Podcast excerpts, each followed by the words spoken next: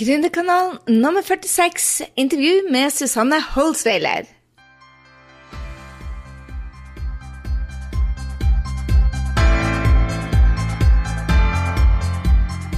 Hei, er Gry Sinding, og velkommen til Gründerkanalen pluss mye mer.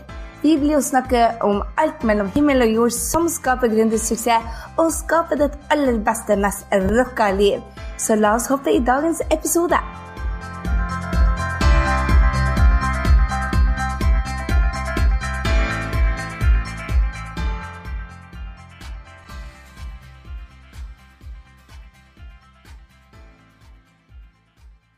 Hei til Gry her. Du, I dag skal du få møte Susanne Holsweiler. Det er et så utrolig vanskelig navn. Men hun har altså startet eget agentur sammen med broren sin. Og nå har de både mammaen og pappaen ansatt, svigerinna jobber der, og de er 28 ansatte. Jeg møtte Susanne og ble bare superinspirert ut av hennes energi og hennes forhold egentlig til problemer. Jeg blir bare så inspirert når folk bare ikke ser problemer. De håndterer utgifter, ikke utgifter, men utfordringer og bare går på. Og du blir å elske denne dama for det pågangsmotet og den måten hun tiltrekker mennesker, gode folk, både ansatte og andre agenturer, er bare helt fantastisk. Så la oss bare hoppe i det. Tusen takk for at du vil komme her, Susanne. Susanne Ja. Holzweiler. Yes. Ja, jeg må lære meg det. Du sa pappaen din er tysk. ja. Har han bodd her i Norge bestandig? Eh, nei, vi ble født i Tyskland. Så vi har bodd der eh, ja, noen år, og så har vi, er vi oppvokst i Norge. Du og Andreas. Yes. Og du driver eget agentur og nå eget klesmerke. yes. Og du jobber med hele familien din. Ja. Fortell litt om reisen deres. Når starta dere? Og dere er blitt hele 26 ansatte nå. Ja. 28, faktisk. 28? Ja. Inkluderer dere to? Ja, Ja. det er det. Så eh, Nei, vi startet for eh, ni år siden. Ganske nøyaktig. Eh, Det var på et tidspunkt hvor Andreas bodde i København. Og jobbet i motebransjen og fikk veldig mye tilbud om å ta danske bands til Norge. Mens eh, jeg jobbet eh, innenfor salg i en helt annen bransje. Men jeg gikk og hadde utrolig lyst til å starte noe eget, så jeg hadde noen gründer i magen. Satt hver eneste kveld sammen med mannen min og droddet liksom, ah, hva kan jeg finne på. Hvorfor Så det? jeg har alltid hatt lyst til å gjøre noe eget. Alltid bare liksom drømt om å Jeg, liksom, jeg liksom liker å skape ting, da. Um, og tidspunktet var kommet, jeg kjedet meg på jobben, og jeg var bare klar for å nå måtte det skje, liksom. Så, ehm, og i denne prosessen hvor jeg satt og ja, drodlet Det kunne blitt alt fra mat til eh, trening til Og så ble det mote, for Andreas ringte og spurte har du lyst til å starte et agentur. På et tidspunkt visste jeg ikke hva et agentur var engang, men jeg sa bare ja! Jeg er med, liksom. Hva som helst. Så kult, da. Så um, det startet i det bitte, bitte små. Fikk oss et ja. Hadde du da hadde du egen eh, Hoppa du av med en gang på jobben da, eller gikk det Eh, nei, jeg gikk eh, nesten et år. Ikke fullt et år, kanskje ni måneder. Hvor jeg eh, jobbet dobbelt, da. Akkurat. Mm, så jobbet jeg på ja, dagtid, og så var det liksom all in på kveldene. Hvordan gikk det da med å jobbe sammen med broren? din? Og, eh, ja, du, mammaen og pappaen din til og med jobba sammen med dere. Ja. Hvordan går det? Det går veldig, veldig bra. Jeg skjønner ikke at det er mulig. skjønner du. jeg jobba sammen med mannen min, og vi holdt på å kjøre ekteskapet rett vest. Altså, dette det. Men dere går det bra med? Ja, det går veldig, veldig bra. Hva er nøkkelen til suksess der? tror det er eh, mye tillit og mye litt sånn give and take, egentlig. At vi har nok, er nok veldig sånn romslige overfor hverandre, da. Um, det er vanskelig å forklare. Uh, vi aksepterer liksom å akseptere å by og Men så tror jeg også det er mye sånn ærlighet. At vi tar ting. Hvis det er noe, så går man liksom ikke rundt og gnager på det eller eh, liksom svelger masse kameler. Liksom, man tar ting, og så er vi venner fem minutter etterpå. Så vi kan liksom ha noen ganske heavy diskusjoner. Men Ja, så dere er ikke gode venner hele Nei, nei, absolutt ikke. Vi kan ha noen eh, store, heavy runder, og det har vi med jevne mellomrom. Men det tror jeg er viktig òg. For det er det som gjør at ikke vi går liksom rundt og gnager på ting i oss. Ja. Er det noe som plager oss, så tar vi det. Herlig. Og så blir vi ferdig. Så Andreas jobba i motebransjen Ja. allerede, og så fant han ut at agentur er tingen, og du bare torde å hoppe av jobben din. Ja. Jeg syns det er utrolig modig. Hvor er det du henter det motet fra? Det er veldig få som tør å gjøre det. Ja, jeg tror jeg, Eller det er veldig hyggelig å høre at Men for meg liksom, føltes det bare helt Dette er bare noe jeg skal gjøre. Ja. Det er litt sånn klisjé, men man lever en gang. Og eh, hvorfor ikke, tenker jeg liksom ofte. Var du ikke redd for å feile? Nei. Og, faktisk ikke. Overhodet ikke. Og, nei. Så, og gikk det rett opp med en gang, eller? Nei, det gjorde det ikke. Så eh, vi har hatt noen eh, Men det har gått liksom, vi har hele tiden fått små bekreftelser på at vi gjør ting riktig. Så det har gått liksom opp og ned, og vi møtte jo liksom finanskrisen nesten med en gang vi startet. Etter at vi har vært i business et år, så kom finanskrisen. Men jeg tror samtidig at vi var liksom i finanskrisen i 2008 var vi fortsatt litt underdogs. Vi var fortsatt nye. Så selv om det var tøft, så var liksom norske butikker villige til å komme og se på tingene våre. og så fallhøyden ble liksom ikke så høy. Vi fortsatte faktisk å vokse gjennom finanskrisen. Eh, og, og fortalte hverandre hele tiden at ok, hvis vi klarer å komme oss gjennom dette, så må det jo bli bra. Eh, men det var på et tidspunkt hvor vi eh, var veldig veldig nære ved å selge hele Eller ikke selge hele bedriften, men ta inn en investor. Fordi at det var så tøft økonomisk, da. Men da fikk vi noen ekstremt gode tips av en veldig veldig god venn. Og han syntes at problemene våre var veldig mye mindre enn det vi selv følte at de var. Akkurat så dere Um, gikk ut, og så fikk noen fikk- andre til å se på Yes, Det var smart. Ja. ja. For ofte så blir jo problemene når man står i det, mye større. Ja, og det var litt det vi opplevde òg. Vi følte liksom at vi hadde verdens største problem, og at det kunne vi aldri i livet løse alene. Så kom han inn, som var på en måte mye mye større innenfor business enn det vi var. Så for han var dette litt sånn småplukk. Så han bare ja, men dette løser dere jo bare sånn og sånn og sånn. Yes. Og så gjorde vi det. Og det er vi veldig glad for i dag. For det hadde blitt annerledes om vi skulle hentet inn en ekstern investor kontra å eie det samme familien. da. Så hvor, dere er 28 ansatte nå. Ja. Er, hvem er det som leder teamet? Hvordan går det? Du sier at dere er veldig eh, åpne og ærlige med hverandre. og sånn, men eh, Går dere ikke i konflikter? når, Vet de andre hvem som er sjefen? for å si det sånn? Eh, Det har vært litt utfordringer opp igjennom. Så det, har jo, eh, det å liksom drive en bedrift og bli flere flere ansatte er jo et puslespill hele tiden. Eh, Og spesielt det å gå fra liksom 10 til 20 ansatte, og det gikk ganske raskt. Eh, Det var liksom utfordrende nettopp i forhold til det du sier nå, at eh, mange av de ansatte kanskje var litt sånn Å, gud, hvem skal vi spørre dette om? Men nå føler jeg at vi er ganske godt organisert, da. Så mm, jeg er jo på sett og vis daglig leder og har liksom et øye med det hele. Og så har vi veldig veldig mange andre som er liksom mellomledere. da. Både på liksom designbiten har vi en fantastisk eh, designer og fantastisk produksjonssjef som du også kjenner. Sissel Nyr. Ja, Sissel er fantastisk, så hun er veldig glad for å ha på teamet. Eh, vi har flinke folk som sitter på regnskap og backoffice-biten, dyktige selgere. altså jeg hører jo alltid fra veldig mange at det å ha ansatte er liksom utrolig slitsomt. Men jeg må si at eh, ja, det er utfordrende med det òg, men jeg føler at vi har liksom fantastiske folk. da. Ja. Og det er jo veldig, veldig viktig. De blir hos dere. Hvorfor tror du, hva, du, hva tror du er nøkkelen til å få gode ansatte og, og beholde dem? Jeg tror det handler mye om miljø, hva slags miljø man har. og at man er opptatt av, Vi er veldig opptatt av at de ansatte Det er ingen som er på jobb for oss. Alle er på jobb for seg selv, og at de skal vokse i rollene sine.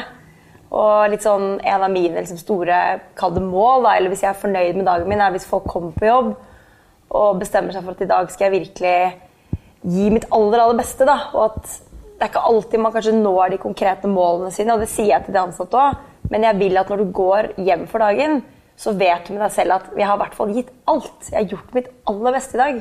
Og det har vi veldig mye fokus på. da. Hvordan har du fokus på det? For det er mange som sier det. Mm. Miljøet. Å, vi skal ha så godt miljø, vi skal ta vare på de ansatte. Men hvordan klarer du, å få det inn?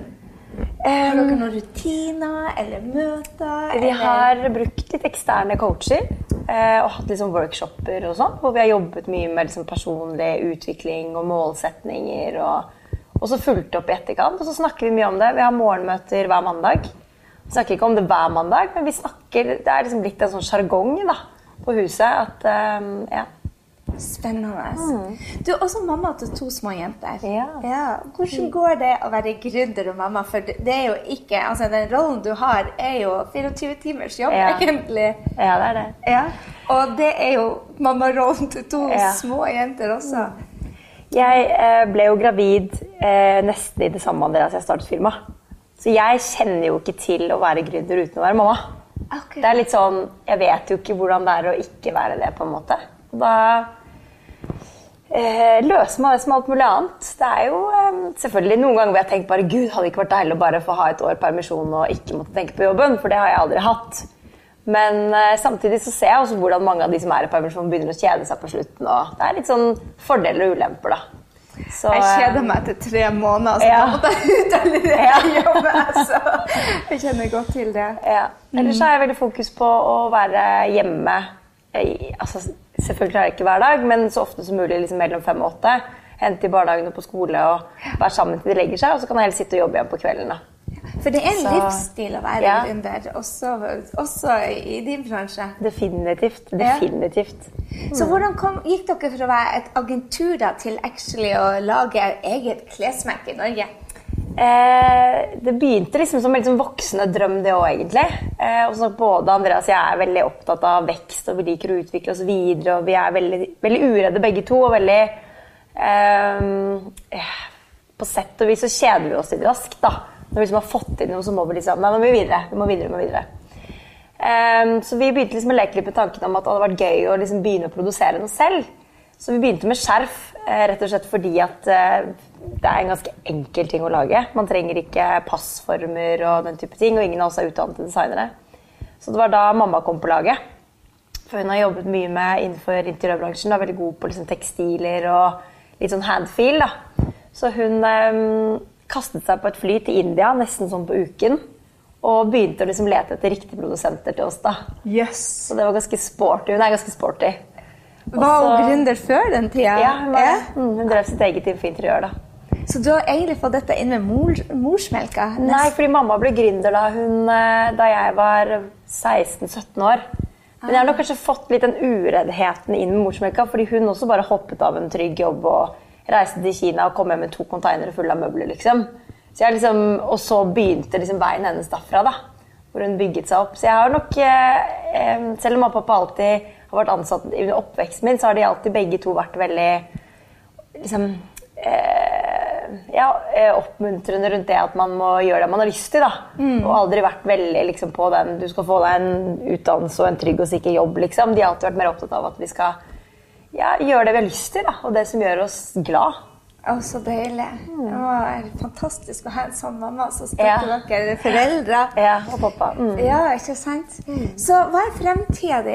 Hva, ser du for deg? Du ser at du kjeder deg fort. Hva er det du, har du noen store planer for Ja, Fremtiden er jo å bygge et eh, Jeg ser jo at det å bygge sitt eget brand er utrolig gøy. Det er veldig veldig utfordrende, men det er veldig veldig gøy. Man får på en måte velge absolutt alt da, Istedenfor i stedet for å bygge andre brands. Men det er jo gøy å Eller utfordrende for å gjøre begge deler. fordi hvis man kun jobber med sitt eget brand, så blir man jo litt sånn kun i Holtzweiler-verden. Men vi er jo så privilegert fordi vi også jobber med å bygge andre brands i Skandinavia. Så får man liksom se mer da, av bransjen og få veldig mye input fra mange steder.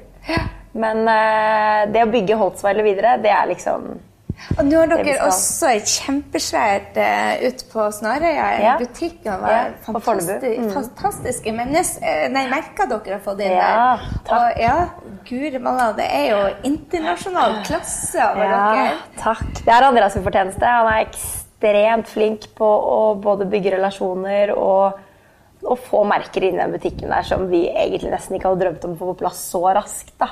Ja. Så um... Hvordan var det å få det første internasjonale merket inn? Jeg husker ikke hvem det var, men sist gang jeg møtte deg, så hadde du et møte nede i Paris hvor du hadde fått et merke. Å ja, det var litt i agenturet, til butikken. Ja, det var det. det var Theory. Theory til var det, ja, så Dere fikk Ja. til.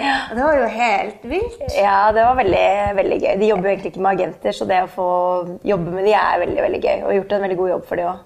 Så hva, hva tror du gjør det at de velger å gå annerledes? Hvor, hvorfor blir dere valgt? Dere får de beste merkene. Hva tror du gjør at dere blir valgt? Jeg tror um, Altså, eh, det er jo i forhold til agenturet, da, for det er jo litt sånn forskjellige ting. I forhold til agenturet så um, har vi vært veldig bevisst på at ikke vi skal jobbe med så mange merker, men vi er veldig opptatt av at vi skal jobbe med færre merker, og at vi skal bygge de merkene. Jeg, og det tror jeg liksom at de kjenner på, da. Og jeg ser jo selv eh, også i dag når jeg driver mitt eget merke, så er jeg ironisk nok ekstremt skeptisk til å jobbe med agenter.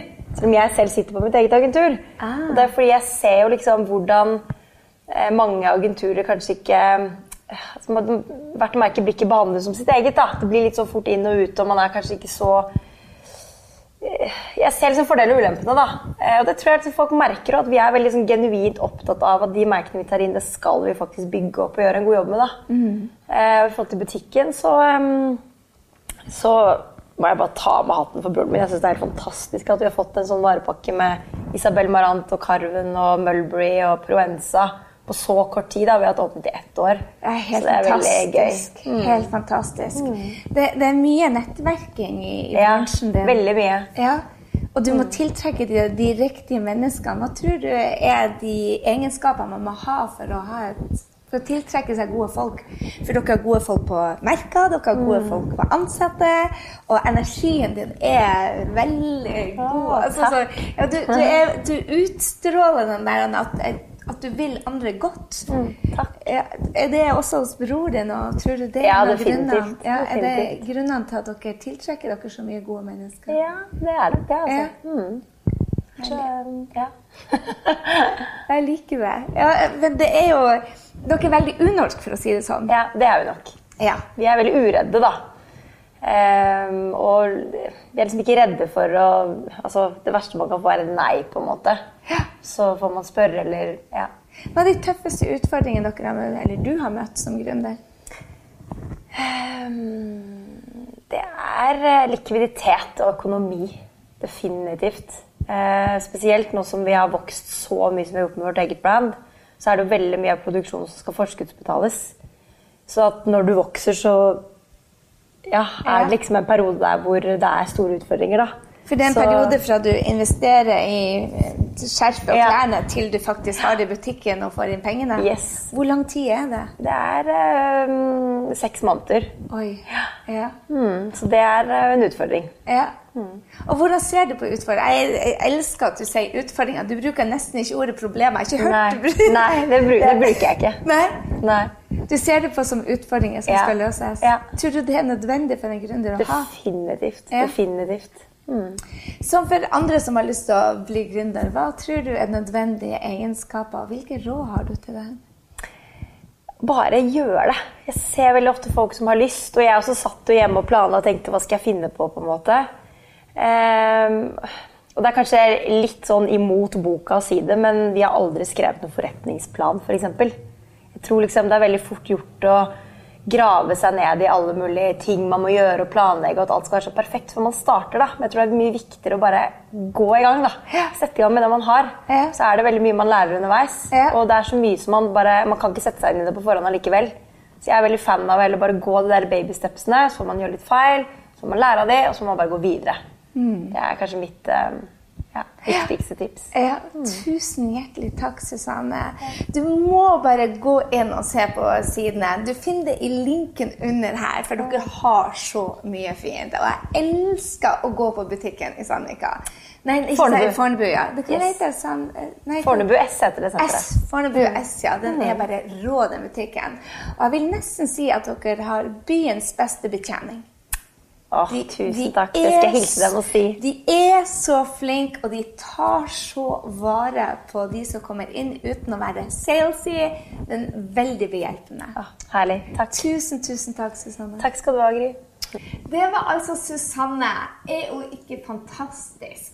Jeg elsker måten hun håndterer utfordringer på, og jeg elsker måten hun tar dette med å være mamma og gründer. Jeg brukte lenge unnskyldninga at 'Å, jeg har jo små barn, så jeg kan aldri bli gründer nå'. Det passer ikke. Men som Susanne sa, det passer aldri å få verken barn eller starte som gründer, men det er bare å hoppe i det. Så gå nå på grysynding.no slash blogg Og så ser du på Susanne, og ikke minst de fantastiske produktene. Jeg elsker den butikken, som du sikkert skjønte.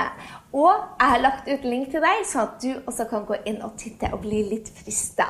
Ok, ha en strålende, strålende dag, og tusen takk for at du er her på Gründerkanalen. Så ses vi i neste uke.